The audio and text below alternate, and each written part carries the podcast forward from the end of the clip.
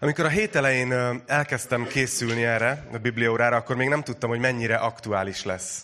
Az a téma, amiről Pál beszél. Általában én hétfőn készülök, mert akkor még így bennem van, hogy itt voltunk a gyűlibe, és akkor így készülök, és aztán utána a hét úgy is elhavaz, és történik, aminek történni kell.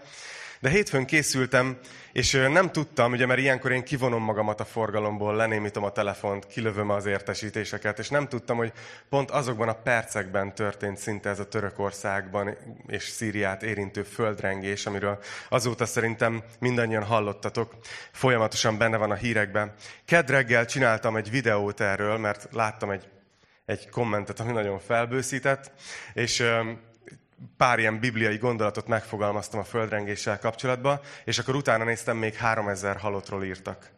Ugye ma reggel megnéztem, 28 ezernél tart a számláló, és még nincs vége.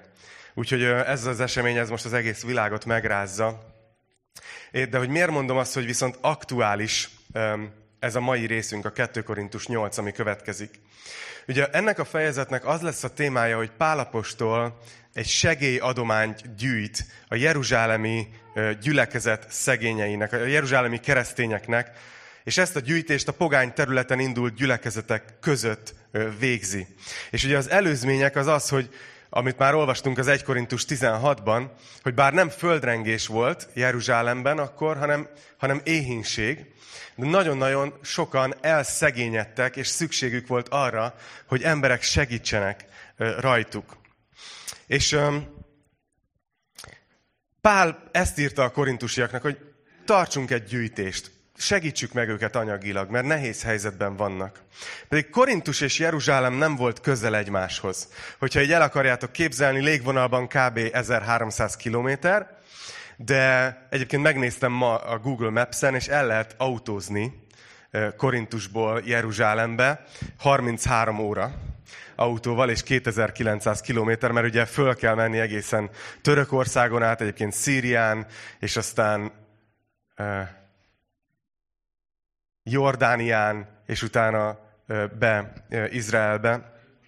Törökország, Szíria, Jordánia, Izrael. Amiért ezt így hozom elétek, hogy milyen messze voltak, hogy hogy ez a két gyülekezet nem ismerte egymást. A korintusiak nem ismerték a, a Júdeában lévő keresztényeket. Nem volt Messenger, nem volt Facebook csoport, nem volt WhatsApp csoport. Tehát tudtak róla, hogy ott messze valahol vannak keresztények, akiknek most segítségre van szükségük, mert nehéz helyzetben vannak. És Pál hívta őket, hogy korintusiak, segítsünk rajtuk. És akkor talán most már érzitek, hogy miért aktuális ez a hír. A hét közben eljutott hozzám így a, a luzános csatornákon keresztül egy, egy üzenet arab nyelven. Szerencsére volt mellette angol fordítás, mert az arabom nem túl acélos. És ezt a közel-keleti egyházak közössége adta ki, vagy tanácsa adta ki, és nagyon kérték a nemzetközi keresztény közösséget, minden keresztényt, akárhol is élnek a Földön, hogy, hogy segítsünk anyagilag. Nagyon sok gyülekezetnek most összedőlt az épülete, nagyon sokan meghaltak. Óriási, elképzelni is nehéz, hogy milyen újraépítési munkára lesz szükség, és nem csak, nem csak fizikailag, hanem lelkileg feldolgozni ezt.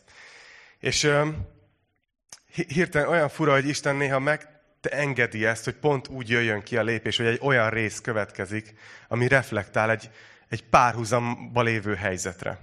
Úgyhogy beszéljünk erről a, erről a részről, 2 Korintus 8. Kicsit az előzmények, ugye, hogy ezt a gyűjtést Pál már egy évvel korábban elkezdte, mint ahogy ezt a levelet írja, de azt olvassuk, hogy a korintusiak először nagyon lelkesek voltak, hogy pénzadományt küldjenek a jeruzsálemi keresztényeknek, de aztán elakadt a dolog, és eltelt egy év, és még mindig nem küldtek semmit. Nem tudjuk, mi volt emögött, lehet, hogy a Pállal megromlott kapcsolatuk, lehet, hogy valami más, de lényeg az, hogy, hogy Pálnak ebben a fejezetben az a célja, hogy bátorítsa őket, hogy fejezzétek be ezt a gyűjtést. Tessék most már akkor véghez vinni, amit elkezdtetek. A korintusiakat elérte egy betegség, úgy tűnik. Ez a latin nevén adakozis paralysis. Tudod, amikor szeretnél te adni, csak valahol, hogy a kezed a, a pénztárcát felé félúton lefagy. Hát, voltatok már így? És, és más irányba megy. Ez, ebben, ebben a betegségben küzdöttek, és Pál próbálja több érvet fog hozni, több oldalról bátorítani őket, hogy nem már, ne legyetek ilyenek. Fejezzétek be, gyűjtsétek össze, adjátok oda. Bennetek volt a szándék, akkor váltsátok apró pénzre. Mert, mert ez, ez nem volt tervezett, jó? Tehát ez, ez így sikerült. Úgyhogy az első mondatokban Pál azt fogjuk látni, hogy egy sokkal szegényebb gyülekezet példáját fogja megmutatni a korintusiaknak. Hogy hát, ha akkor a lelkiismeretük egy kicsit éledezik. Úgyhogy kezdjük is el. 2 Korintus 8, első vers. Azt mondja, hogy hírt adunk nektek, testvéreim, Istennek arról a kegyelméről, amelyet Makedónia gyülekezeteinek adott. Itt rögtön meg is állok egy pillanatra, csak hogy értsétek ezt. Görögország két nagy területre oszlott. A, a, a déli rész volt, Akhája, itt volt egyébként Korintus városa is. Tehát ez a déli rész, ez úgy képzeljétek el, hogy egy pörgő gazdaságú, fejlett, viszonylag tehetős, gazdag része volt Görögországnak, és itt van ez a korintusi gyülekezetnek, akiknek Pál ír. A másik része pedig Makedónia volt, amit a római birodalom nagyon durván kifosztott, amikor elfoglalták, és ezért ez egy nagyon elszegényedett, tehát a történelemben is a történészek is feltárták, hogy ezek egy nagyon elszegényedett részek voltak, és ezért az ottani gyülekezetek szegénységben voltak, nyomorúságban, nehézségben voltak. Ott, ott vannak olyan gyülekezetek, talán ismerősek ezek a nevek, mint Bérea, Tesszalonika, Filippi, ezek voltak ott azon a részen. És Pál ír a gazdag délieknek, és eléjük állítja példaként a szegény északiakat, és azt mondja, hogy hírt adunk arról a kegyelemről, ami Makedónia gyülekezeteinek adatott, ezeknek az északiaknak. Na mi ez a kegyelem, amit Isten adott az északi szegény keresztényeknek? Azt mondja a második verstől, hogy mert a nyomorúság sok próbája között bőséges az ő örömük és nagy szegénységükből a tiszta szívűség gazdagsága lett. Tanúskodom arról, hogy erejük szerint, sőt, erejükön felül is önként adakoztak, és erősen sürgetve kérték tőlünk, hogy a szentek iránti szolgálatban adakozással részt vehessenek. És nem csak ezt tették, amit reméltünk, hanem először önmagukat adták oda az Úrnak, és aztán nekünk az Isten akaratából. Szóval mi az a kegyelem, amit Isten adott a szegény északi gyülekezeteknek. Az a kegyelem, hogy részt vehettek ebben az adakozásban a jeruzsálemi keresztényeknek. Nem gondolnátok, ugye, hogy, hogy ez, ez Pál így fogalmazza meg, hogy ez Istennek egy kegyelme. De ilyeneket ír, hogy a nyomorúság között bőséges az ő örömük, hogy a szegénységükből a tiszta szívűség gazdagsága lett. Sőt, azt írja, hogy erejükön felül önként adakoztak, és sürgették Pált, hogy részt vehessenek ebben a jótékonysági akcióban. Lehet, hogy még maga Pálapostól is elbizonyított, hogy figyeljetek, én gyűjtök, de lehet, hogy inkább a gazdagabb gyüliket célzom meg először. Ti, ti nektek van elég gondotok. De ők mondták, hogy nem, nem, nem, mi részt akarunk venni, mi szeretnénk ebből kivenni a részünkből. Nem tudunk sokat adni, de azt akarjuk adni, mert szeretnénk a Jeruzsál, vagy a júdeai keresztényeken segíteni. Ez volt a szívük ott, ott, ott Makedónia területén. És Pál azt mondja, hogy ez isteni kegyelem volt számukra. És szerintem van itt egy néhány üzenet nekünk. Az egyik, amit itt látok ebben, hogy nézzétek ezt a mondatot, hogy a sok nyomorúságuk között bőséges az ő örömük. Észrevettétek, hogy mi általában úgy, úgy gondolkozunk erről, amikor nehézségben vagyunk, amikor nyomorúságunk van az életben, bármilyen legyen ez, tényleg bármilyen, hogy hát most nem sok örömöm van. Majd, ha Isten megoldja a nyomorúságomat, majd, ha elveszi a nehézségeimet, majd, ha kiutat mutat ebből, na majd akkor örülök. De most nem. És nekem nagyon furcsa, hogy a Bibliában sokszor előjön ez a gondolat, hogy öröm benne a nyomorúságban. Hogy Isten ezt meg tudja tenni. Hogy miközben nehézségen mész éppen át. Közben van egy öröm a szívedben. És azt hiszem, hogy látjuk, hogy ezt, hogy ezt mi, mi, miben, volt, miben volt az egyik kulcsa ennek, ugye, hogy, ők nem arra fókuszáltak, hogy ú, milyen szegények vagyunk, hanem elkezdtek arra gondolni, hogy hú, ott Jeruzsálemben még szegényebbek nálunk. Hogy ott még éheznek is.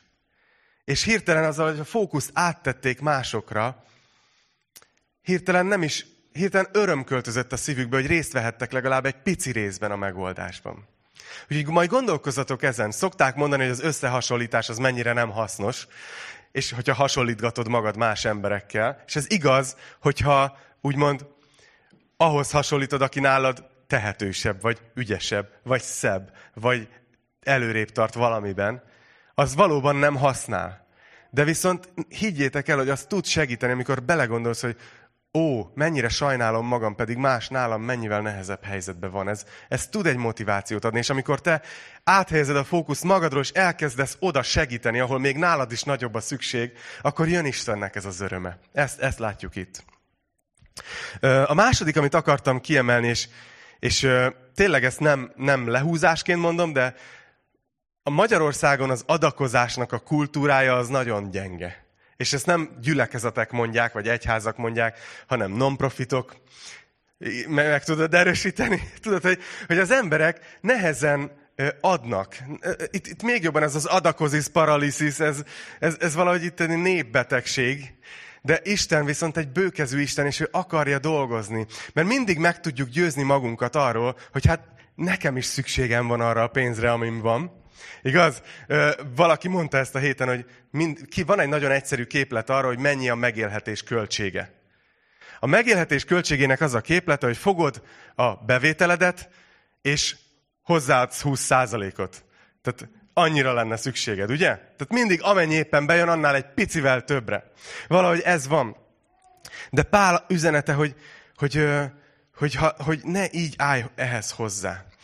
Hallottam egy történetet egy farmerról, egy ilyen állattenyésztőről, akinek a tehene ellett két borjút, és hívta a lelkipásztort, hogy jöjjön el, és imádkozzon a két borjúért, hogy, hogy áldja meg őket. Úgyhogy a lelkipásztor el is ment, imádkozott a, a két borjúért, és, és mondta a farmer a végén, hogy nagyon köszönöm, hogy eljöttél, hogy időt szántál, ezért én cserébe, amikor ezek felnőnek, én az egyiket az úrnak fogom adni. El, levágom, eladom a húst, és az összes pénz megy a gyülekezeti persejbe, vagy kasszába, vagy megy oda. És aztán, jó, pásztor, hazament, és pár hét múlva telefonál a, a, ez a gazda, hogy hájjájjáj, hát baj van, hogy, hogy megbetegedtek a tehenek, a, a kicsik. És akkor mondja, mondja, hogy hát az a baj, hogy a, az egyik az, az, az tök jól felépült, de az úré az meghalt.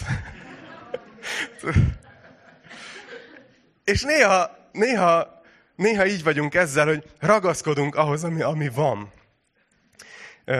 Szerintem átment az üzenet. Szóval Makedóniában viszont máshogy gondolkoztak erről. Kevesük volt, nehézségek között voltak, de mégis akartak részt venni. De mi a helyzet Korintussal? Ott amilyen nagy volt a lelkesedés először, úgy halt le a projekt. Tehát, hogy miközben a makedónok gyűjtöttek, Pál látta azt, hogy hát a korintusiakat is valahogy rá kéne venni, hogy fejezzék be, mert többi gyüli már tök sokat gyűjtött, hát kéne vinni tényleg, ahova tartozik ez a pénz. Úgyhogy úgy döntött, hogy van egy terve. Ugye, mivel korábban Pál Tituszt küldte el Korintusba, maga helyett, és Titus úgy tűnik, hogy nagyon jó kapcsolatot alakított ki a korintusi gyülekezettel. Ugye ő hozta a jó híreket Pálnak, ami alapján ez a második levél íródott. Úgyhogy Pál kitalálta, hogy Titusra fogja bízni a jótékonysági adomány összegyűjtését. Úgyhogy erről fog itt írni.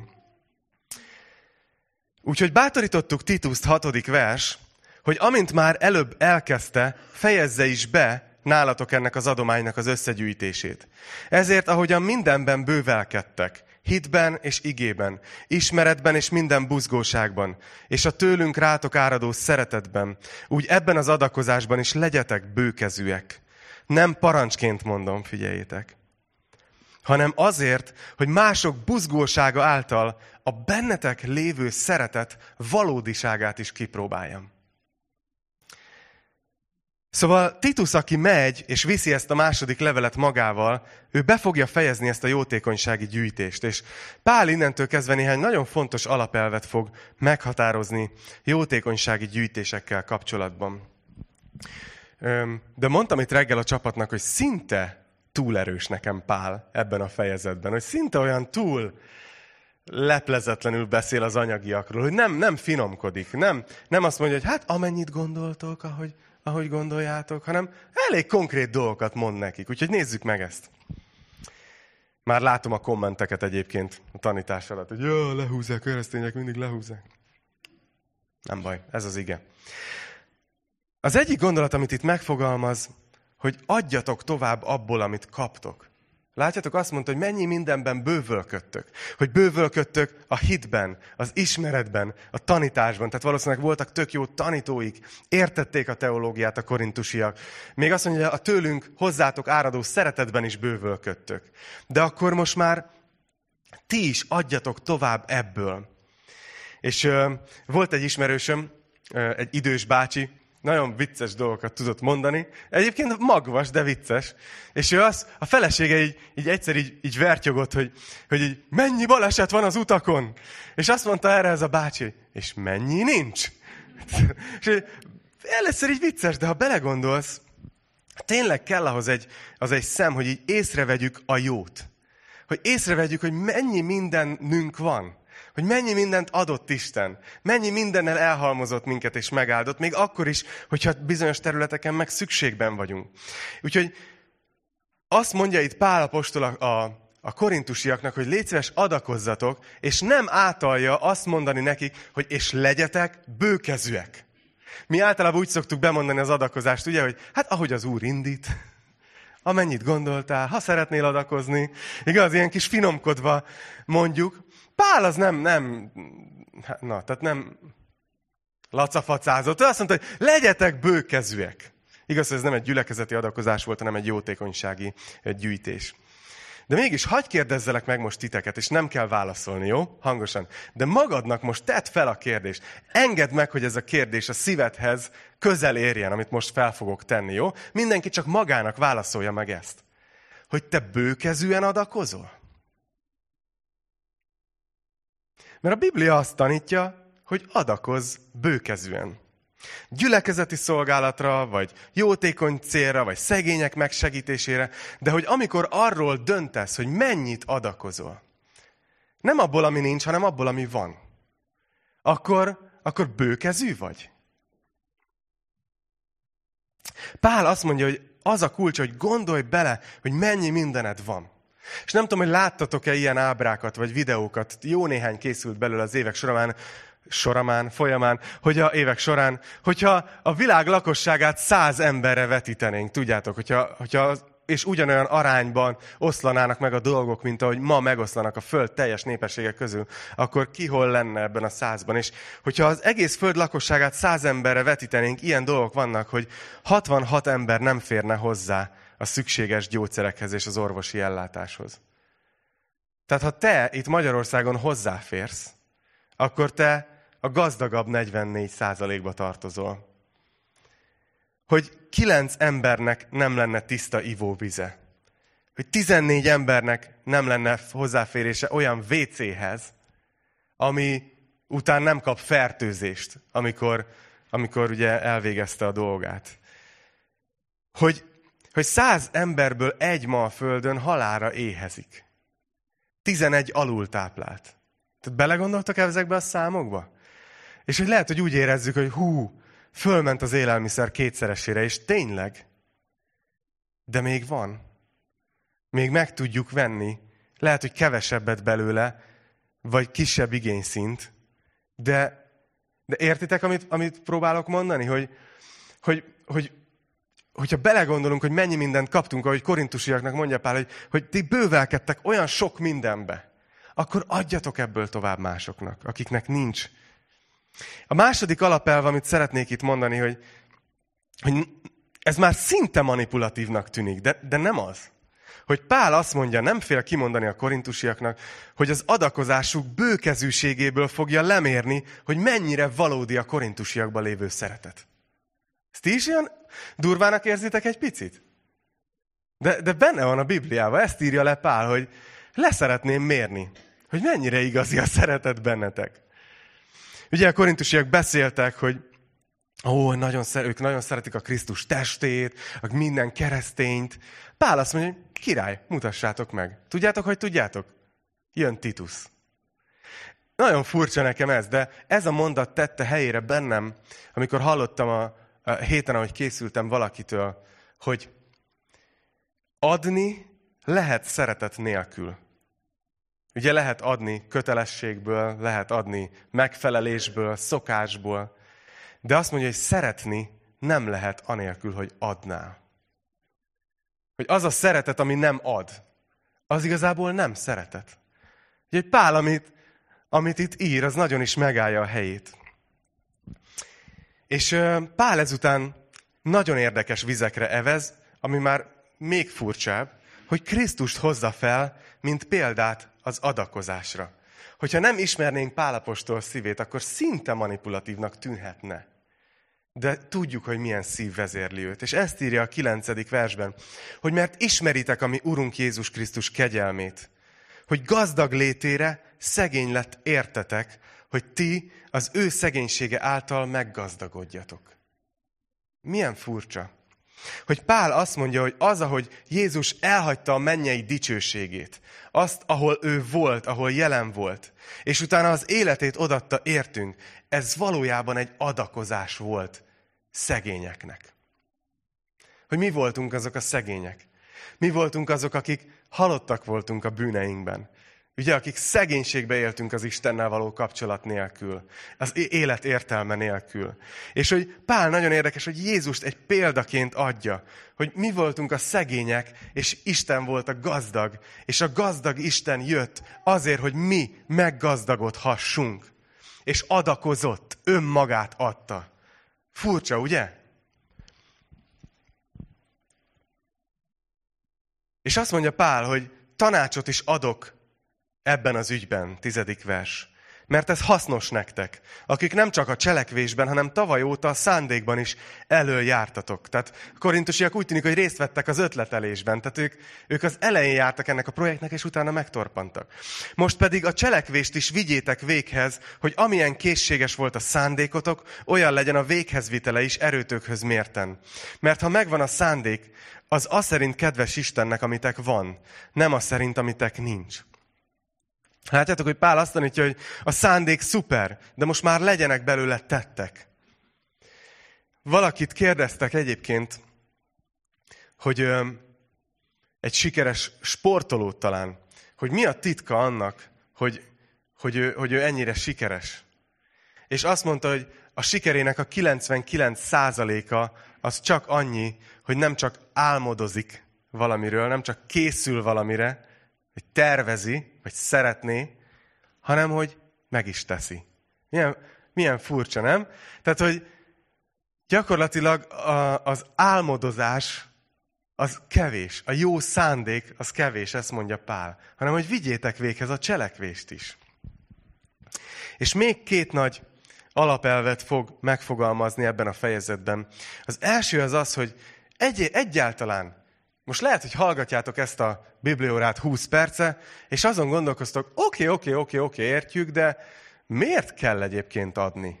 Vagy mi Istennek a terve ezzel? Mi ennek, mi ennek a célja egyáltalán? Hogy az, hogy valaki, aki lébet szól, és, sem, és mondjuk nem dolgozik, és, és akkor mi most kötelesek vagyunk adni, azért, hogy ő neki hogy ő csak ott lébecolhasson tovább, helyett, hogy mondjuk munkához segítenénk. Tehát lehet, hogy bennetek vannak ezek a gondolatok, hogy oké, okay, oké, okay, oké, okay, adjunk, de, de mi ennek a, a mögöttes háttere? És nézzétek meg, nagyon érdekes, amit ír Pál. Azt mondja, hogy ugyanis azért, hogy másoknak könnyebbségük legyen, nektek ne legyen nyomorúságotok. Ugye ez még hozzákapcsolódik ahhoz a gondolathoz, amit előtte írt, hogy az szerint adjatok, ami, amitek van, nem az szerint, amitek nincs. És, de azt mondja, hogy viszont ne, ne is úgy adjatok, hogy ti belerokkantok, a másik embernek meg csak könnyebbsége származik ebből, hanem ellenben az egyenlőségnek megfelelően, és ez itt a kulcs szó, az egyenlőség. A mostani időben a ti fölöslegetek pótolja azok hiányát, hogy máskor azok fölöslege pótolja a ti hiányotokat, hogy így egyenlőség legyen. Látjátok, megint itt az egyenlőség szó. Amint megvan írva, aki sokat szedett, annak nem lett kevesebbje, és aki, bocsánat, aki sokat szedett, annak nem lett többje, és aki keveset, annak nem lett kevesebbje. Szóval a fő gondolat a Pálnak itt az, hogy a jótékonyságnak a célja az az, hogy kiegyenlítődjenek valahogy a viszonyok hogy vannak, akiknek most ebben a jelenlegi időpontban feleslegük van az anyagiakban, és vannak, akiknek pedig hiányuk van. És azt mondja Pál, hogy tök jó lenne, hogyha, hogyha kiegyenlítődne ez. És itt ne felejtsétek el, hogy amúgy keresztényekről ír, és keresztényeknek ír. A gyülekezetnek ez az egyik funkciója, hogy az ciki, hogyha egy gyülekezetben valakinek hiánya van, és úgy is marad. Hogyha nem tudunk egymásnak segíteni, és betölteni ezeknek, azoknak, akiknek most éppen van feleslege. És Pál itt behoz egy ószövetségi példát a mannáról. Ugye a manna, ez az égből leszálló étel volt, próbálják azóta is kitalálni, hogy milyen íze volt. Egyszer kaptam Izraelből, valaki jött haza és hozott nekem mannát. Ezt remélem nem 2000 éve szedték, vagy 4000 éve a pusztába. De a lényege az volt, hogy minden reggel hullott az égből, és meg volt adva az a mértékesség, hogy ennyit szedjél az alapján, hogy hány ember van a családodban. És voltak akkor is emberek, ugyanazok, akik most fölpakolják a WC papírt, amikor fölmerül, hogy elfogyhat, akik akkor is kimentek, és azt mondták, mi, mi kicsit többet szedünk, mi úgy rá, rá, rápakolunk. És az lett az eredménye, hogy másnapra megkukacosodott, hogy többet akartak maguknak, halmozni akartak, de, de nem mentek vele semmire, mert, mert megkukacosodott. És akik meg kevesebbet szedett, annak valamiért elég lett. Jól laktak vele. Ez egy csoda, isteni csoda volt. És Pál ezt hozza be az adakozáshoz, a jótékonysághoz, hogy, és ha áthozzuk ezt a gondolatot erre, hogy lehet, hogy valakinek anyagilag fölöslege van. Bár én nekem még találkoznom kell olyan emberrel, akik azt mondaná, hogy hát igazából nekem van fölöslegem. Elég kreatívak vagyunk, hogy megtaláljuk a pénznek a helyet. Ugye? De, de, de valószínűleg arra utal ez a felesleg, hogy ami azon fölül van, hogy te, te nem nyomorogsz, hanem te élsz egy normális életet. Van táplálékod, tudsz mibe felöltözni, van lakhatásod. És, és ezeken a dolgokon felül, ami van, az felesleg. Az a kérdés, hogy mit kezdesz azzal. És Pál itt az ellenérve, hogy ne halmozd, miközben melletted valakinek meg konkrétan hiánya van, és mondjuk ott sorakoznak a csekkek a hónap végén. És ha valaki halmoz, ugye Jézusnak volt erről egy példázata, hogy, hogy hát bolond vagy, hát lehet, hogy az éjjel megkívánják a lelkedet. Lehet, hogy te meg fogsz halni, és akkor mesztelenül jöttél, mesztelenül mész el. Ho, hova, hova gyűjtesz annyira? Hova halmozod a, a javaidat? De amikor valakit viszont tényleg sújt az élet, annak segítsége van szüksége. Nagyon érdekes dolog, hogy nem tudom, hogy tudjátok-e, hogy egy ifjú, jó néhány, jó néhány évvel ezelőtt, évtizeddel ezelőtt, ezeken a gondolatokon indult el. Őt, őt Marxnak hívták. Hogyha most belegondoltok ebbe a gondolatba, hogy senkinek ne legyen fölöslege, mindenkinek legyen kiegyenlítve, és hogy legyen egyenlőség, ez egyébként a marxizmusnak az alapgondolata, és nagyon sokan a Bibliára mutogatnak, és például ezekre a versekre. Hogy na hát ezért kellene egység. És ugye azért, hogyha kimondom azt a szót, hogy kommunizmust, azért legtöbben beleborsozunk, mert azért kipróbálták ezt pár országban, pár helyen, pár közegben, és azért annyira nem jött be. De valószínűleg, hogy éppen csak ott tévedett a dolog, amit itt Pál egyértelműen kifejezett, azt mondta, hogy én nem parancsként mondom ezt. Ez nem kötelező. Hanem Isten arra akar minket egyenként elvezetni, hogy, hogy mi önként mondjunk le a feleslegünkről, és adjuk valakinek, akinek hiánya van.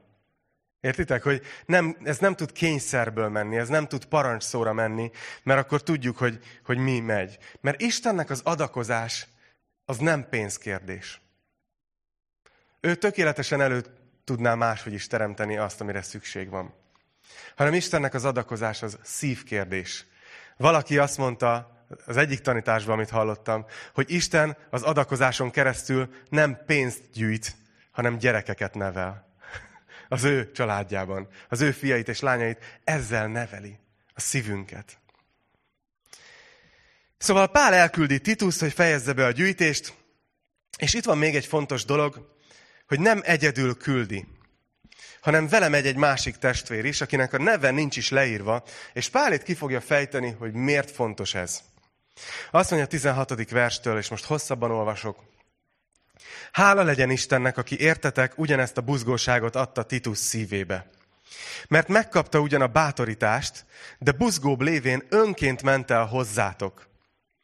Elküldtük vele együtt azt a testvért is, akinek az evangélium hirdetésével szerzett jó híre bejárta valamennyi gyülekezetet. Sőt, ezen kívül a gyülekezetek kiválasztották őt utitársunknak, és ebben az adománygyűjtésben, amelyben szolgálunk, magának az Úrnak a dicsőségére és a mi jó szándékunk bemutatására. Mert óvakodni akarunk arról, attól, hogy valaki megrágalmazzon minket szolgálatunknak eme bőséges eredménye miatt. Mert gondunk van a tisztességre, nem csak az Úr előtt, hanem emberek előtt is. Elküldtük velük együtt azt a testvért, akinek az alkalmasságát sok mindenben kipróbáltuk, mert sokszor buzgó volt, most pedig még sokkal buzgóbb, mert nagyon bízik bennetek. Akár Titusról van szó, aki nekem társam és közöttetek munkatársam, akár a mi testvéreinkről, a gyülekezetek küldöttei ők. Krisztus dicsősége. Tanúsítsatok tehát irántuk szeretetet, és mutassátok meg nekik, hogy méltón dicsekedhetünk veletek a gyülekezetek előtt. Szóval Titus nem egyedül vitte a pénzt, hanem úgy tűnik, hogy vagy egy, vagy két embert, nem teljesen tiszta a szövegből, küldtek vele együtt, és a gyülekezetek, akik már beszálltak ebbe a gyűjtésbe, ők is azt mondták, hogy igen, bennük megbízunk. Tehát nagyon fontos volt, hogy, hogy ne, ne merülhessen az fel, hogy ők kevesebb jut célba. Tudjátok, mire a pénz végigmegy azon a 1300 kilométeren, vagy 2900 kilométeren éppenséggel, amit az elején említettem. Ez azért nagyon fontos, mert az elszámoltathatóság az, az hihetetlenül erőteljes dolog. És a, a visszája is igaz, hogy talán semmi nem rombolja úgy az evangélium ügyét, még ma is, a mai napig, mint amikor a keresztényekkel kapcsolatban, egyházakkal, szervezetekkel, gyülekezetekkel kapcsolatban felmerül a gyanú, hogy, hogy anyagilag valami nem stimmel. Hogy valami simlis játék van. És nagyon benne van a közgondolkozásban. Reggel, ahogy beszélgettünk itt a csapattal, ez nagyon följött, hogy, hogy alapvetően itt oké, okay, hogy beszélünk az adakozis paralíszisről, de hogy az azért van, mert hogy egy őrületes bizalmatlanság is van az emberekben, mert nagyon sok olyan sztorit hallottunk, amikor a pénz nem oda jutott, ahova kellett volna. Vagy amikor Érdekes módon a lelkipásztor egyre nagyobb BMW-vel járt, vagy tudod, egy, egy, egyre, egyre tehetősebb volt, hogy várjál, várjál, várjál, várjál, hogy van ez? És valahol benne van a közgondolkozásban, hogy fújú, itt nem biztos, hogy megbízhatunk, abba bízok meg, amit én adok oda valakinek a kezébe. Igaz, hogy valahogy benne van ez a, a gondolkozásban. De látjuk ezt, hogy ez nem új keletű dolog. Ez akkoriban is felmerült az emberekben. És ezért Pál, amit csak tudott, megtett, hogy biztosítsa azokat, akik részt vettek ebben az adakozásban, hogy jó helyre kerül a pénzük. Ezért küldte Tituszt, és mellette, ha jól látom, két olyan testvért, akiket a gyülik választottak ki, akik már bizonyítottak, hogy megbízhatóak, akik aktívan szolgáltak, és, és a gyülekezetek ismerték őket, és megbíztak bennük. Ezt mondja, hogy gondunk van a tisztességre, nem csak az Úr előtt, hanem az emberek előtt is. És egyébként csak egy fél zárójeles megjegyzés, hogy egyébként ezért vezettük be rögtön az elején, amikor plántáltuk ezt a gyülekezetet, hogy minden egyes vasárnap, amikor ti adakoztok a persejben, akkor ezt mindig két ember számolja meg együtt, és én nem vagyok ennek a kettőnek a része. Hogy az forintra, fillérre úgy legyen elkönyvelve, amennyi ott benne volt, és ne, ne, ne merülhessen fel a gyanúja sem annak, hogy valami biztos jól történik-e. Mert tudjátok ezt, hogy hogy működik az, amikor felmerül valami, utána bizonygathatod, de, de azt már nem tudod az már sose lesz olyan, mint hogyha nem ismerült volna fel. És Pál ezzel azt mondja, hogy gondunk van a tisztességre.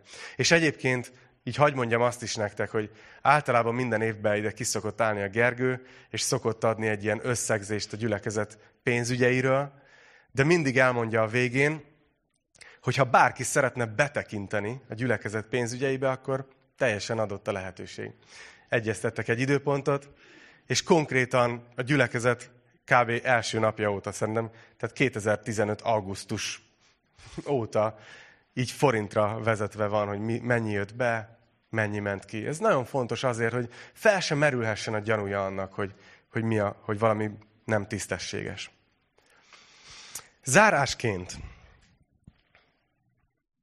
Észreveszitek ebben a fejezetben, hogy Pálapostól mennyire lelkes. Mennyire érződik a szavaiból, hogy Pál is és Titus is. Hogy azt mondja, hogy én bátorítottam Titus, hogy menjen el hozzátok, de ő még lelkesebb volt. Hogy ő akart menni hozzátok. Ő azt mondja a 22. versben, hogy nagyon bíznak bennetek ezek, a, ezek az emberek, akik mennek és végzik majd a gyűjtést. Nagyon bíznak bennetek. Hogy ti pedig tanúsítsatok irántuk szeretetet, és Pál így oda teszi, hogy ha lehet, ne égessetek be. Hogy ne, tudod, hogy nehogy az legyen, hogy a végén összeszámoljátok, és tudod, van 5000 forint a persejbe. Hogy ne ez legyen. De lát, látni kell azt, és ez a kulcs gondolat itt, hogy Pál lelkes ebben a fejezetben, elég erős, szinte rámenős nyelvezetet használ az adakozással kapcsolatban, de nem magáért. Nem magának gyűjt. Nem a saját szolgálatára. Pál gyűjtött adományokat a saját szolgálatára is, de azt nagyon úgy tűnik, hogy az privát beszélgetésekben intézte. De itt most egy gyülekezetet próbál rábeszélni, hogy segítsenek egy másik gyülekezetnek. És itt nem finomkodik. Itt megmondja, hogy tessék bőkezűen adakozni, mert, ebből látszik majd meg a szereteteteket. Szeretetetek. Hú, hát nyelvet kéne váltanom. De nagyon lelkes, hogy Pál segíthet a jeruzsálemieknek. Ugye ő úgy indult, hogy egész életében, egész fiatal korában ő, ő egy képzésen ment át, ő tanulta az írásokat, őt képezték farizeusi rendben. Ő, ő azt gondolta fiatalon, hogy az egész élete, egész életében a zsidó népet és a zsidóságot fogja szolgálni. Volt egy elképzelése, hogy az ő élete miről fog szólni. És elég rendesen tett is ezért. Gamáliel lábánál tanult. És aztán Isten egyszer csak azt mondta, hogy aha, nekem meg más terveim vannak az életeddel. A pogányok felé fog szolgálni. Hogy mi? Pont én? Ennyit tanultam, hogy, hogy tudjak a zsidók felé szolgálni. Hogy tanulmányoztam az írásokat, meg a rabbinikus írásokat, minden. És hát én sokkal alkalmasabb lennék ide szolgálni. És Isten azt mondja, nem, erre küldelek. És Pál ment, mert engedelmes volt, de egész szolgálata alatt látjuk, hogy megőrizte ezt a szívet a zsidóság felé, hogy ő, ő szeretett volna feléjük szolgálni, és megtalálta minden lehetőséget, amit csak tudott, hogy szolgáljon feléjük. És ebben az adakozásban is látott egy lehetőséget, hogy segíthet hidat építeni a pogány keresztények és a zsidó keresztények között. Hogy azáltal, képzeljétek el, hogy a, ott ülnek a, a jeruzsálemiek, és megkapják ezt az adományt. És akkor várjál, hát Hát ez, ez, ez nagyon sok. Ez, ez honnan érkezett? És akkor mondják Titus és a többiek, hogy hát ezt a, ezt a korintusi, meg a, a, a tesszalonikai, meg a, a béreai keresztények gyűjtötték össze nektek. De, de hogy miért? Mert, mert egyek vagytok Krisztusban, és ők így akarták kifejezni, hogy szeretnek titeket. De várjál, ezek, ezek akkor ennyire gazdagok? Nem. Nem. Csak Isten indította őket, és ők részt vettek ebben. Arról nem szólunk, hogy most miért 12 hónappal később jöttünk, mert vártunk egy gazdag gyűlire. De hogy így milyen, mennyire kommunikálhatta azt a, ezeknek a, sokszor a zsidó keresztények kiérződik az abcselből, és sokszor még be voltak abba ragadva, hogy hát a pogányok is, jó, hát végül is, végül is ők is tesók, de azért nem annyira, tudod? És gondoljatok bele, amikor jön tőlük egy ilyen adomány. Amikor egyértelmű a szeretet. Hogy Pál ezt akarta így kihasználni. Szóval ez volt ez a rész, és most pedig urvacsorázni fogunk. Szeretném kérni így a dicsőítőket, hogy gyertek, gyertek, kivezessetek minket. De hagyj olvassam fel még egyszer a kilencedik verset. Azt mondja, hogy mert ismeritek a mi Urunk Jézus Krisztus kegyelmét, hogy gazdag létére szegényé lett értetek, hogy ti az ő szegénysége által meggazdagodjatok. Az úrvacsorában nagyon sokféleképpen vezettük már be ebben a gyülekezetben. De így még szerintem soha. Hogy most emlékezzetek erre a képre, hogy milyen lehetett ott ülni a Jeruzsálemi gyülibe, lehet, hogy ott ülnek szakadt ruhába, lehet, hogy egy-két napja nem ettek, mert nagy anyagi nehézségben vannak, éhínség van. Lehet, hogy a héten temettek el valakit, és egyszer csak megérkezik a pogány gyülekezetek részéről ez a nagy lelkű adomány. Hogy milyen, mennyire szeretve érezhették ott akkor ők magukat. És ma, amikor körbe megy majd a tálca, és kézbe veszed az úrvacsorát, fogod a szőlőlét, fogod a pászkát, akkor gondolj erre most így, hogy ez Isten adakozása neked. Hogy, ő, hogy Jézus ezt adakozta. Ő az életét adta oda, érted? Azért, hogy te a szegénységedből gazdag legyél. Hogy szegény voltál, bajban voltál, visszapöröghet az él, a fejedben az életed, hogy, hogy milyen volt az életed Isten előtt, Krisztus nélkül, hogy milyen ö, bizonytalan, hogy milyen céltalan, hogy mi, mikkel küzdködtél, és tudom, hogy mindenki mással küzdködött. És ahogy ott fogod azt az úrvacsorát, a, a szőlőlét, ami, ami mutatja Jézusnak azt a vérét, amit kiontott értünk a kereszten. Ahogy fogod a pászkát, ami jelképezi Krisztusnak a testét, ami értünk töretett meg a kereszten. Akkor hát, ha elkap még erősebb érzés, mint a, mint a, mint a, Korin, mint a jeruzsálemieket, amikor megkapták ezt a nagy adományt. Hogy ez a valaki, aki ezt adta, az nagyon-nagyon szeret engem. Úgyhogy úrvacsorázzatok ma így. Tudjátok, mindig elmondom, hogy az úrvacsora mindenkinek szól, aki már hisz Jézus Krisztusban. Nálunk nincsen tagság, nem húzunk ilyen határokat. Ez Isten és te közötted van. Hogyha tudod, hogy Jézus Krisztus megváltott téged, és te ezt elfogadtad, neked ő az urad, hiszel benne, akkor, hogy megy a tálca, bátran vegyél úrvacsorát. Mert ez neked szól. És közben járjon ez a gondolat a fejedben, hogy ez az, amit Jézus adott értem. Ez az ő adakozása felém. Jó? Imádkozzunk. Atyám, köszönjük neked, hogy így szóltál hozzánk ma is az igéden keresztül. Annyira jó látni Pálapostolnak a szívét ebben a fejezetben is. Annyira jó látni, hogy, hogy mennyire hajtotta őt az, hogy a te országod épüljön ilyen módon is. Hogy ne legyen olyan keresztények között, aki nagy-nagy szegénységben van, hanem hogy tudjunk gondoskodni. Arra szeretnélek kérni így, hogy fordítsd le ezt mindannyiunknak, hogy mutasd meg, hogy, hogy mi az, amire minket hívsz egyenként, hogy hogyan tudunk mi segíteni azoknak, akik nálunk rosszabb helyzetben vannak. Atyám, kérlek, hogy ezeket az igazságokat ültesd be a szívünkbe, és ez ne valami emberi manipuláció, vagy rábeszélés legyen, vagy annak tűnjön, hanem te magad tegyél minket bőkezűvé, ahogy te egy bőkezű Isten vagy. És imádkozom, hogy most, ahogy, ahogy így vesszük az úrvacsorát, segíts nekünk így igazán átérezni és megérezni, hogy milyen nagy dolog az, amit tőlünk, amit értünk tettél ott a kereszten. És mi dicsőítünk téged ezért, és köszönjük neked a te nagy szeretetedet. Jézus, a te nevedben imádkoztunk együtt. Amen.